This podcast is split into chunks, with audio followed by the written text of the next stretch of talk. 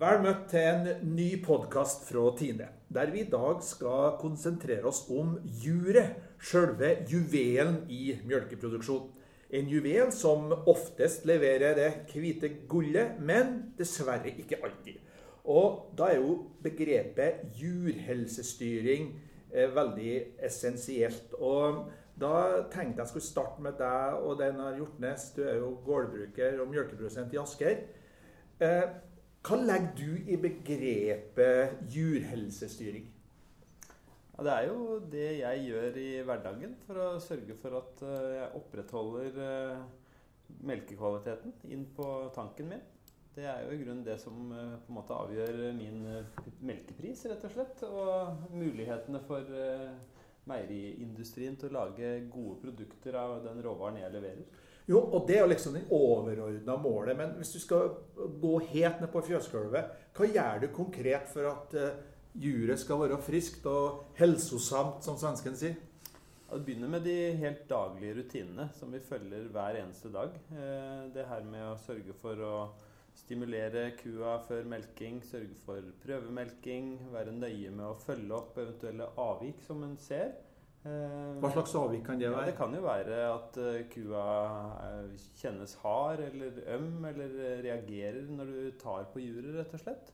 Eh, ved vask, renhold og avtørking. Det kan være at det er klumper i melka, blod i melka, andre ting som må skilles ifra og, og bli håndtert videre. Så er det jo klart at det med å ha et melkeutstyr som fungerer godt, at du har jevnlig vedlikehold på melkeutstyret ditt som sørger for en skånsom utmelking av kua, er kjempeviktig. Eh, vi prøver å følge den Godt jur-plakaten som ble laga for noen år siden, med å sørge for at vi, vi tar eh, veieprøver hver måned. Eh, som gir oss en veldig god oversikt over tid på hva som skjer i juret på kua. Og da er det jo sånn at en får jo ofte noen overraskelser med at jøss, her var det da veldig mye celletall i forhold til hva vi egentlig forventer å finne. Da er det viktig å følge opp det med enkeltspeneprøver. For å finne ut hva er det som gjør at vi har et forhøya celletall på denne kua. Ja, nå hører jeg at du, du kommer med masse, masse, forskjellige tiltak, og vi, vi, skal snakke mer om det. Men du, du, kommer inn med dette begrepet celletall, og da har jeg lyst til å sende ordet til dagens veterinær og ekspert, da, Liv Sølverød. I tillegg til at du er veterinær, da, så er du også leder av eh, Tines mastittlaboratorium i, i, Molde. Og for å eh, henge oss på den knaggen som, som Odd Einar nevnte her, dette med celletall. Hva er egentlig celletall? Ja, hva er egentlig celletall? Alle snakker jo om celletall hele tida. Eh, celletallet det er kuas svar på en irritasjon. Det er en slags eh, eh, Det er en betennelsesreaksjon, rett og slett. Og en betennelsesreaksjon det er jo et forsvar. Og forsvaret ligger inni de her cellene. Så inni juret så er det sånn at eh, hvis juret føler seg trua av enten bakterier eller en eller annen skade som, som kua kan få, så vil eh, kua mobilisere hvite blodlegemer, det som vi kaller for celler, fra blodbanen og inn i melka. Og når disse cellene kommer inn i melka og treffer bakteriene, så er det rett og slett sånn at cellene spiser bakteriene. Så celletallet er da en, eh, nærmest en sånn indikator på eh, helsetilstanden i juret? Ja. Og så er det sånn at det er ganske lett å måle det celletallet. De er store og fine, og de er lette å måle. Og telle? Og telle, ja. ja. Eh, så derfor Når vi tar ut melka, så kan vi telle de cellene, og så får vi et bilde av hva er betennelsesreaksjonen i det her juret. Mm. Så hvis det nesten ikke er celler der Det skal alltid være noen, for det er noen, må ha noen vaktmestere som sitter og passer på hele tida. Men hva, hva, skjer med kvaliteten på selve mjølka om celletallet er høyt? da? Ja, da, Det som skjer med melka da, det er at inne i cellene og inni bakteriene da, som slåss i den melka, så er det jo en hel masse enzymer og og stoffer som kan bryte ned protein og fett og alle sånne ting. Så det, det ødelegger egentlig melka litt. Og med en gang dette ødelegger proteinet, så får vi jo problemer med å yste. Mm. Og Det er derfor også vi da, vi da har satt eh, noen grenseverdier for hvor mye, ja. mye celletall kan være før ja. du får trekk i, kvaliteten. Ja, ja. for mm. da, hvis, eh, hvis, all melk skulle hatt et ganske høyt innhold av celler, så ville det gå utover muligheten for å yste god ost. da. Og det gjelder både kuer og geiter. Men hvordan fastsetter man disse nivåene? Er det litt sånn fingeren i været, eller er det lang eh, forskning, empiri på det? Ja, nei, det var det. Det er nok eh, et resultat av lang eh, forskning eh, på norsk melk og norske kyr som gjør at vi kommer fram til det her. Og så har vi jo da over mange tiår sett at eh, norske melkeprodusenter er gode på jurehelsestyring. De er flinke til å melke, de har kjempegod hygiene. Og derfor så kan jo vi perfeksjonere denne melka vår, da. Betyr det at den grensa kommer til å gå ytterligere ned i åra framover? Eller tør, Nei, det- tør du å, å, å framskrive en slik prosess? Nei, det er nok ikke min jobb å framskrive en sånn prosess. Men, men det som er viktig å vite, det er at det, det er den melka med lavest celletall som er den normale melka og den aller beste melka for meieriindustrien. Og, og så vil det jo alltid være sånn at eh, når du har mange tusen liter melk, så kan du godt tåle noen liter som har litt høyere celletall. Men, men du kan liksom ikke tåle at all melka reiser seg eller får et stigende og høyt selvtall. Men noen slanter her og der, det, det takler det praktiske livet helt greit. Hvor viktig er celletallsmålingene for, for deg i, i hverdagen og den her? Ja, Det er jo ikke i hverdagen jeg bruker på en måte begrepet celletall. Jeg følger jo med på i det daglige ved melkerutinen at det ikke er noe unormal melk, som sagt. Eh, De dyra som da har på en, på en veieprøve vist at de har et høyt celletall, de er jo da enten blitt tatt ut en, en speneprøve av for å finne ut hva slags type bakterie vi snakker om her. Eh, og da har jeg en løpende dialog med den praktiserende veterinæren jeg har i fjøset hos meg. Eh, med bakgrunn i de analyseresultatene som jeg får tilbake fra Mastittlaboratoriet. Da. Eh, og da er det jo ulike måter å håndtere det på. Av og til så, så er jo anbefalingen at dette er bakterier som vi ikke skal behandle. Og det er jo i tråd med at vi skal prøve å holde antibiotikaforbruket nede. Eh, da kan det jo være andre tiltak, da, som hyppig utmelking av, av ku. Eh, mange løser det med Hvis det er en uproblematisk bakterie, så kan du la en kalv gå og suge den kua, f.eks. Eh, og, og fungere som ammeku. Og det vil ofte gi en veldig forbedring for kuas del. Da. Eh, at, den, eh, at, den infeksjon, at infeksjonsnivået rett og slett blir redusert. Fordi at den blir hyppigere utmelka. Det blir mindre sjanse for den bakterien til å formere seg i den kjertelen. Og kua får mindre plager med det, rett og slett. Mm. Og så prøver vi jo å, å, å skille ut de dyra som da eventuelt får et eh, At vi får et prøvesvar der, der det viser en, en problematisk bakterie. De prøver vi å skille ut for seg sjøl, sånn at de ikke skal kunne smitte friske dyr. Ofte er det jo gjerne kombinasjonen lekkasje og, og en bakterie som er problematisk. Det er jo det vanskeligste å håndtere. Hvordan foregår den utskillelsen? Altså, hvordan separerer du eventuelt de dyra med en alvorlig infeksjon fra, fra de øvrige? Ja, da må du ha en, eh, en sjukebinge eller en behandlingsbinge som på en måte er fysisk atskilt. Sånn at den kua er der inntil den skal melkes. Jeg har jo et eh, løsdriftsfjøs eh, der jeg har eh, melkestall, så hos meg så håndteres jo det på den måten at vi enten melker alle de andre kuene først, stort sett, og så tar vi den kua inn gjennom i løsdrifta, inn i melkestallen, og melker på spann eventuelt. Mm. Eh, Liv Sølverød, eh, hvilken type informasjon er viktig for bonden å, å kjenne til og ha oversikt over for å, for å ha god jurehelsestyring? Jeg tenker at eh, du har forklart det veldig godt, hvordan du praktisk bruker det. Eh, og det er jo akkurat sånn som vi prøver å veilede på. Du må vite hva bakteriene heter, og hvor de er. Og, eh, og det oppnår du ved å ha noen prøvepunkter der du hele tida tenker at jeg sjekker når jeg ser et eller annet, f.eks. et høyt celletall, eller kliniske symptomer, eller før avstigning. Og når du regelmessig samler den informasjonen, så er jo vi så heldige i Tine at vi ut på medlem tine.no kan presentere alt dette på ett sted. Sånn at, det, at der har du alle, all historikk til alle kyr og kan gi prognose og tenke den, den er aktuell for neste laktasjon, den er kanskje ikke det. Ikke noe hinder med personvern og sånt her. Nei da, vet du, for her er det kuvern, og da tar vi jo vare på de beste.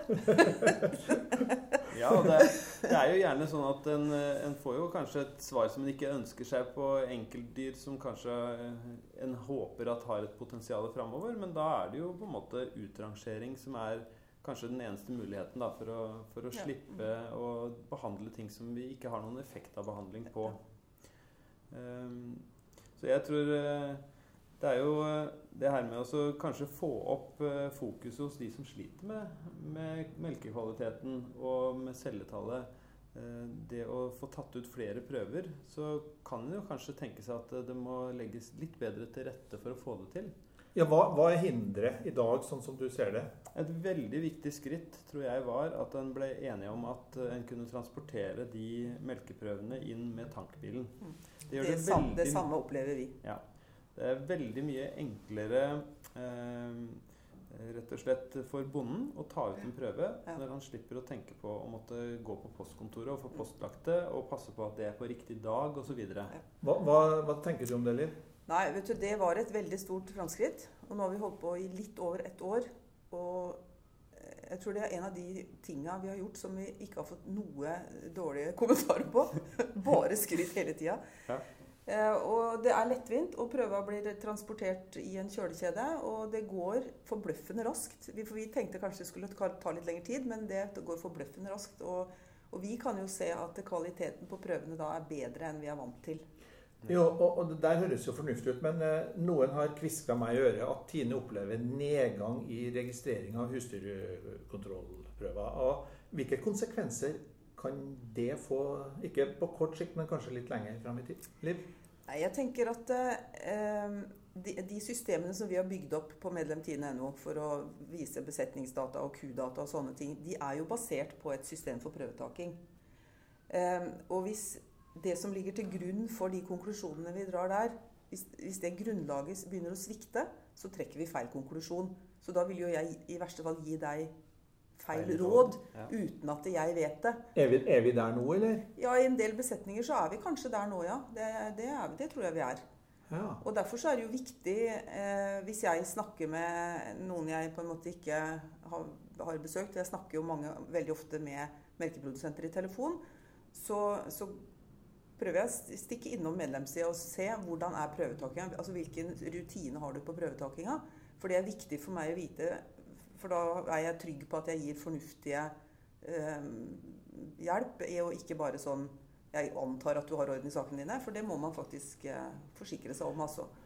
Men hvordan, Denne, hvordan, skal du få dine yrkesbrødre og søstre til å, å, ta flere prøver? Du nevnte jo dette med logistikken og å få frakta prøvene inn, men det er jo kanskje bare en liten del av løsninga her? Jo da, men alt må ligge til rette i det daglige for at bonden skal eh, gjøre dette her. Og da er jo et tips det er å sørge for at alle veterinærer har den samme holdningen til dette her når de skal vurdere om de skal gjøre noe med ei ku eller ikke at det blir fast rutine at en skal ta ut speneprøver for å sjekke hva er det vi egentlig går løs på og behandler. Eh, og så tror jeg det også må være sånn at eh, når tankbilen tar med seg noen prøveesker hos meg, så burde han ha et lager med sånne esker, sånn at han legger igjen det samme antallet som han tar med seg.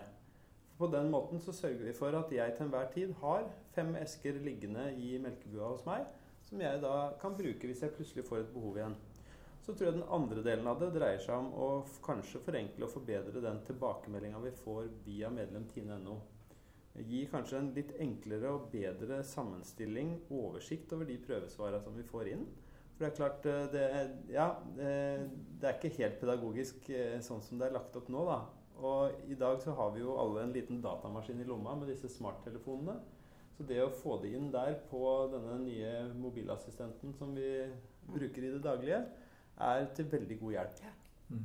Men handler ikke det her også litt om holdningene til den enkelte bonden? Å se at den enkelte bonde skjønner at hans eh, laden og gjøren det vil ha betydning både for han sjøl, men også for fellesskapet?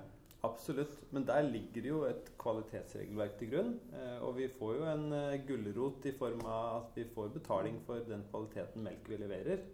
Eh, så jeg tror det i stor grad styrer bonden i riktig retning, da. Så kan det jo hende at det er enkeltprodusenter som trenger å bli minna på dette her. Eh, og at vi På hvilken måte da, tenker du? Ja, altså at medlems... Eh, at, at, veilederne våre faktisk følger opp hvis de ser at det er avvik. Eh, og det har jo i grunn inntrykk at blir gjort. Hvis en ser at her spretter ting plutselig i været, så, så får de fleste en telefon og et varsel om at her er det noe som ikke er i orden.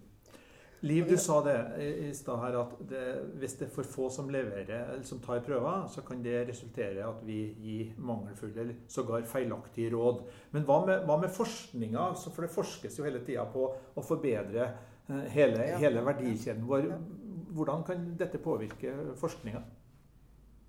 Eh, Det, jo, det får jo den samme konsekvensen at eh, det vi legger inn til forskning, må vi også ut og kvalitetssikre at har en viss kvalitet for at vi skal kunne trekke konklusjoner på det. da.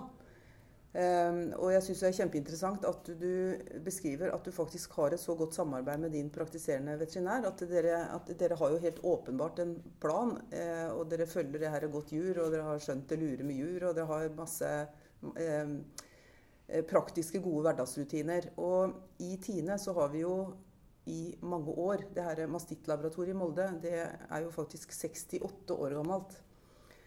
Eh, og så vidt vi vet, så er Tine det eneste meieriselskapet i verden som driver et sånt diagnoselaboratorium.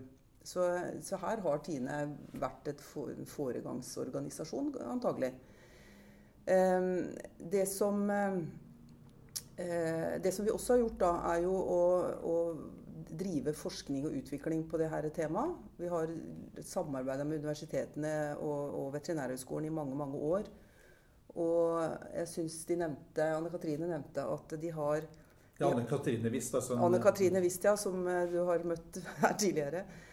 Eh, vi har borti eh, 30 doktorgrader rundt på en måte basert på resultatene fra Q-kontrollen og flere, et par hundre vitenskapelige publikasjoner. ikke sant? Så vi har jo forska en hel masse på det her. Vi har gjort det på norsk. Vi har ganske god eh, oversikt over hva vi driver med. Og Tine har jo også vært veldig aktiv i forhold til å lage etterutdanningskurs for veterinærer og undervise på Veterinærhøgskolen. Og det vi da sier, er jo at eh, den norske bonden og Tine ønsker at vi har en, en rutine som er sånn og sånn. Og da er ikke vi avhengig av hvilke ideer som måtte komme, hvilke medisiner som måtte komme. For vi, vi har en, en, en masse fakta og en masse kunnskap om hvordan dette er på norsk med de norske kuene under norske forhold. Så eh, grunnlaget for, for, den gode jurhelsa da, som, som eh, vi har i Norge, eh, det er jo et fantastisk samarbeid mellom Tine og, og veterinærene, rett og slett. Altså utdanningsinstitusjonene. Men her er det kanskje viktig å si at vi har god jurhelse, men det kanskje å bare slå seg til ro med det, det er ikke godt nok, for det må hele tida forbedres. Hele tida forbedres. Ja, det er jo et daglig arbeid. Ja. For dette her, det er jo en, en, biologisk produksjon der ting kan dukke opp uh, når som helst. Altså Det kan være en fysisk skade i et jur, eller det kan være at uh, en ku plutselig får en infeksjon, en bakterie som plutselig dukker opp. Mm. Nå har vi fått litt belyst her gjennom den samtalen at jurhelsestyring er viktig for bonden. Det skjønner vi, og det er viktig for Tine for å få gode produkter og lønnsomhet. Men er det en god jurhelsestyring også viktig for samfunnet for øvrig liv? Ja, jeg syns jo det, for Tines, Tines, på Tines melkekartonger så står det 'kanskje verdens beste melk'. Uh, og det er jo viktig for eh, de som skal spise våre produkter og drikke våre produkter, at de vet at, dette, at vi kan dokumentere at dette er prima vare. Det er viktig for omdømmebygginga. Og ikke minst så er det viktig for antibiotikaresistensproblematikken. For antibiotikaresistens er jo kanskje den altså største helsetrusselen i verden. Og hvordan vi klarer å forvalte det. Men hva, hva er sammenhengen da mellom uh, antibiotikabruk i, i, et jur versus uh, til deg og meg og, uh, og bonden her? Nei, da, Vi har vel en slags tanke om at, at vi mennesker ønsker å prioritere oss sjøl når det gjelder medisinsk behandling. sånn at I Norge så, så, er jo situasjonen sånn at det aller meste antibiotikaen som brukes i Norge, går til mennesker. Veldig lite går til dyr, kanskje 10-15% av alt det vi bruker. I melkeproduksjon så har vi vært veldig flinke, mener jeg, til å samarbeide om at det er kun dyr med god prognose som vi velger å gi medisiner til. Vi velger også å gi medisiner til kuer som er alvorlig syke. Det er liksom vår prioritering. Og det betyr at vi styrer antibiotikabruken inn der det er mest behov for det. Og der det ikke egentlig er behov, så bruker vi det ikke. Og, da, vi, og, så tar vi ikke breispektra antibiotika inn noe særlig i melkeproduksjonen. ikke inn i den næringskjeden og tenker at det, det er en viss type antibiotika som vi ønsker å forbeholde mennesker. Da. Det er jo sånn man tenker i Norge. Så du sier, jeg hører at du nå sier at det lave antibiotikabruken i husdyrholdet her, inklusive melkeproduksjon, at det i bunn og grunn er en stor fordel for oss mennesker i forhold til resistensproblematikk? Det er en stor fordel for mennesker i forhold til resistensproblematikk. Og, og vi kan jo dokumentere via, via mastittlaboratoriet til Tine og husdyrkontrollen og alt det her at vi har eh, god orden på oversikt over antibiotikaresistens. og og vår situasjon er helt annerledes enn mange land vi kan sammenligne oss med ute i verden. Vi har følsomme mastittbakterier, for å si det sånn. Antibiotika de reagerer, virker. De reagerer. reagerer på behandling, rett og slett. Og det er jo, hvis en ser seg litt rundt i verden, så er det jo heller den motsatte situasjonen i mange land. Ja. Og da vil man ofte ty til breispektra medisiner for å prøve å få effekt av det. ikke sant? Mens i Norge så sier vi at det, det ønsker ikke vi å gjøre i særlig stor grad. Vi ønsker å prøve å forebygge. Vi vil vite hvor er bakteriene, hva heter de, hvordan skal vi håndtere de. Hvis vi nå skal begynne å gå inn for landing her, så skal dere få en liten utfordring til slutt. Eh, hver av dere to Liv først. Hvis du skal gi ett eller to helt konkrete råd til, til melkeprodusenter som hører denne podkasten, for å få bedre jurhelsestyring, hva, hva, skal det bli i sånn kule, kulepunktsform? Kulepunktsform, ja. To kulepunkter. Ja. Ehm, det er å etablere en systematisk eh, tilnærming. Altså sørg for å ta ut eh, kukontrollprøver eller lignende. For melkeroboten kan jo også samle den informasjonen. Eh, bruk det. Se på det. Og, og bestem hva, hvilke kuer som er suksesskuene dine, og hvilke kuer som er fiaskokuene dine. I tillegg, bruk speneprøver for å vite hvilke bakterier du har i fjøset ditt, og hvor de er. Da har du lagt et kjempegodt grunnlag for å eh, styre jurhelsa. Og hvis det skulle skje noe da, så er det veldig enkelt, eller i hvert fall mye enklere for oss å gå inn og, og, og hjelpe til, for vi vet at registreringen og grunnlaget der er på plass, og da kan vi gi veldig gode råd veldig fort. Da får du de samme utfordringa. Ja. Da vil jeg bare nesten, eh, Siden du er trønder, da, så får jeg si at det er ikke noe som kommer til seg sjøl. Altså, en, en, må ta tak i problemstillingene, for dette er jo ting som ikke går over av seg sjøl, stort sett. Hvis en lar ting skure og gå, så vil problemene bare bli større. Eh, og hvis en ikke jobber systematisk, som Liv sier, så vil en bare over tid eh, sørge for at eh, ens egen eh, daglige arbeidssituasjon blir vanskeligere. Så det å ta tak i problemene når de dukker opp, én etter én, det er eh, måten å jobbe på for å bli bedre. rett og slett. Takk skal du ha. Og så er det hver eneste dag. I, alltid. Helt til man slutter å produsere melk. Ja. ja. Sånn er det. Da tenkte jeg skulle si at Odd Einar Hjortnes fikk historie, men der tok du innersvingen på meg, Liv Sølvrød. Takk skal dere ha, begge to, for at dere kasta informasjon og kunnskap omkring dette viktige temaet jurhelse.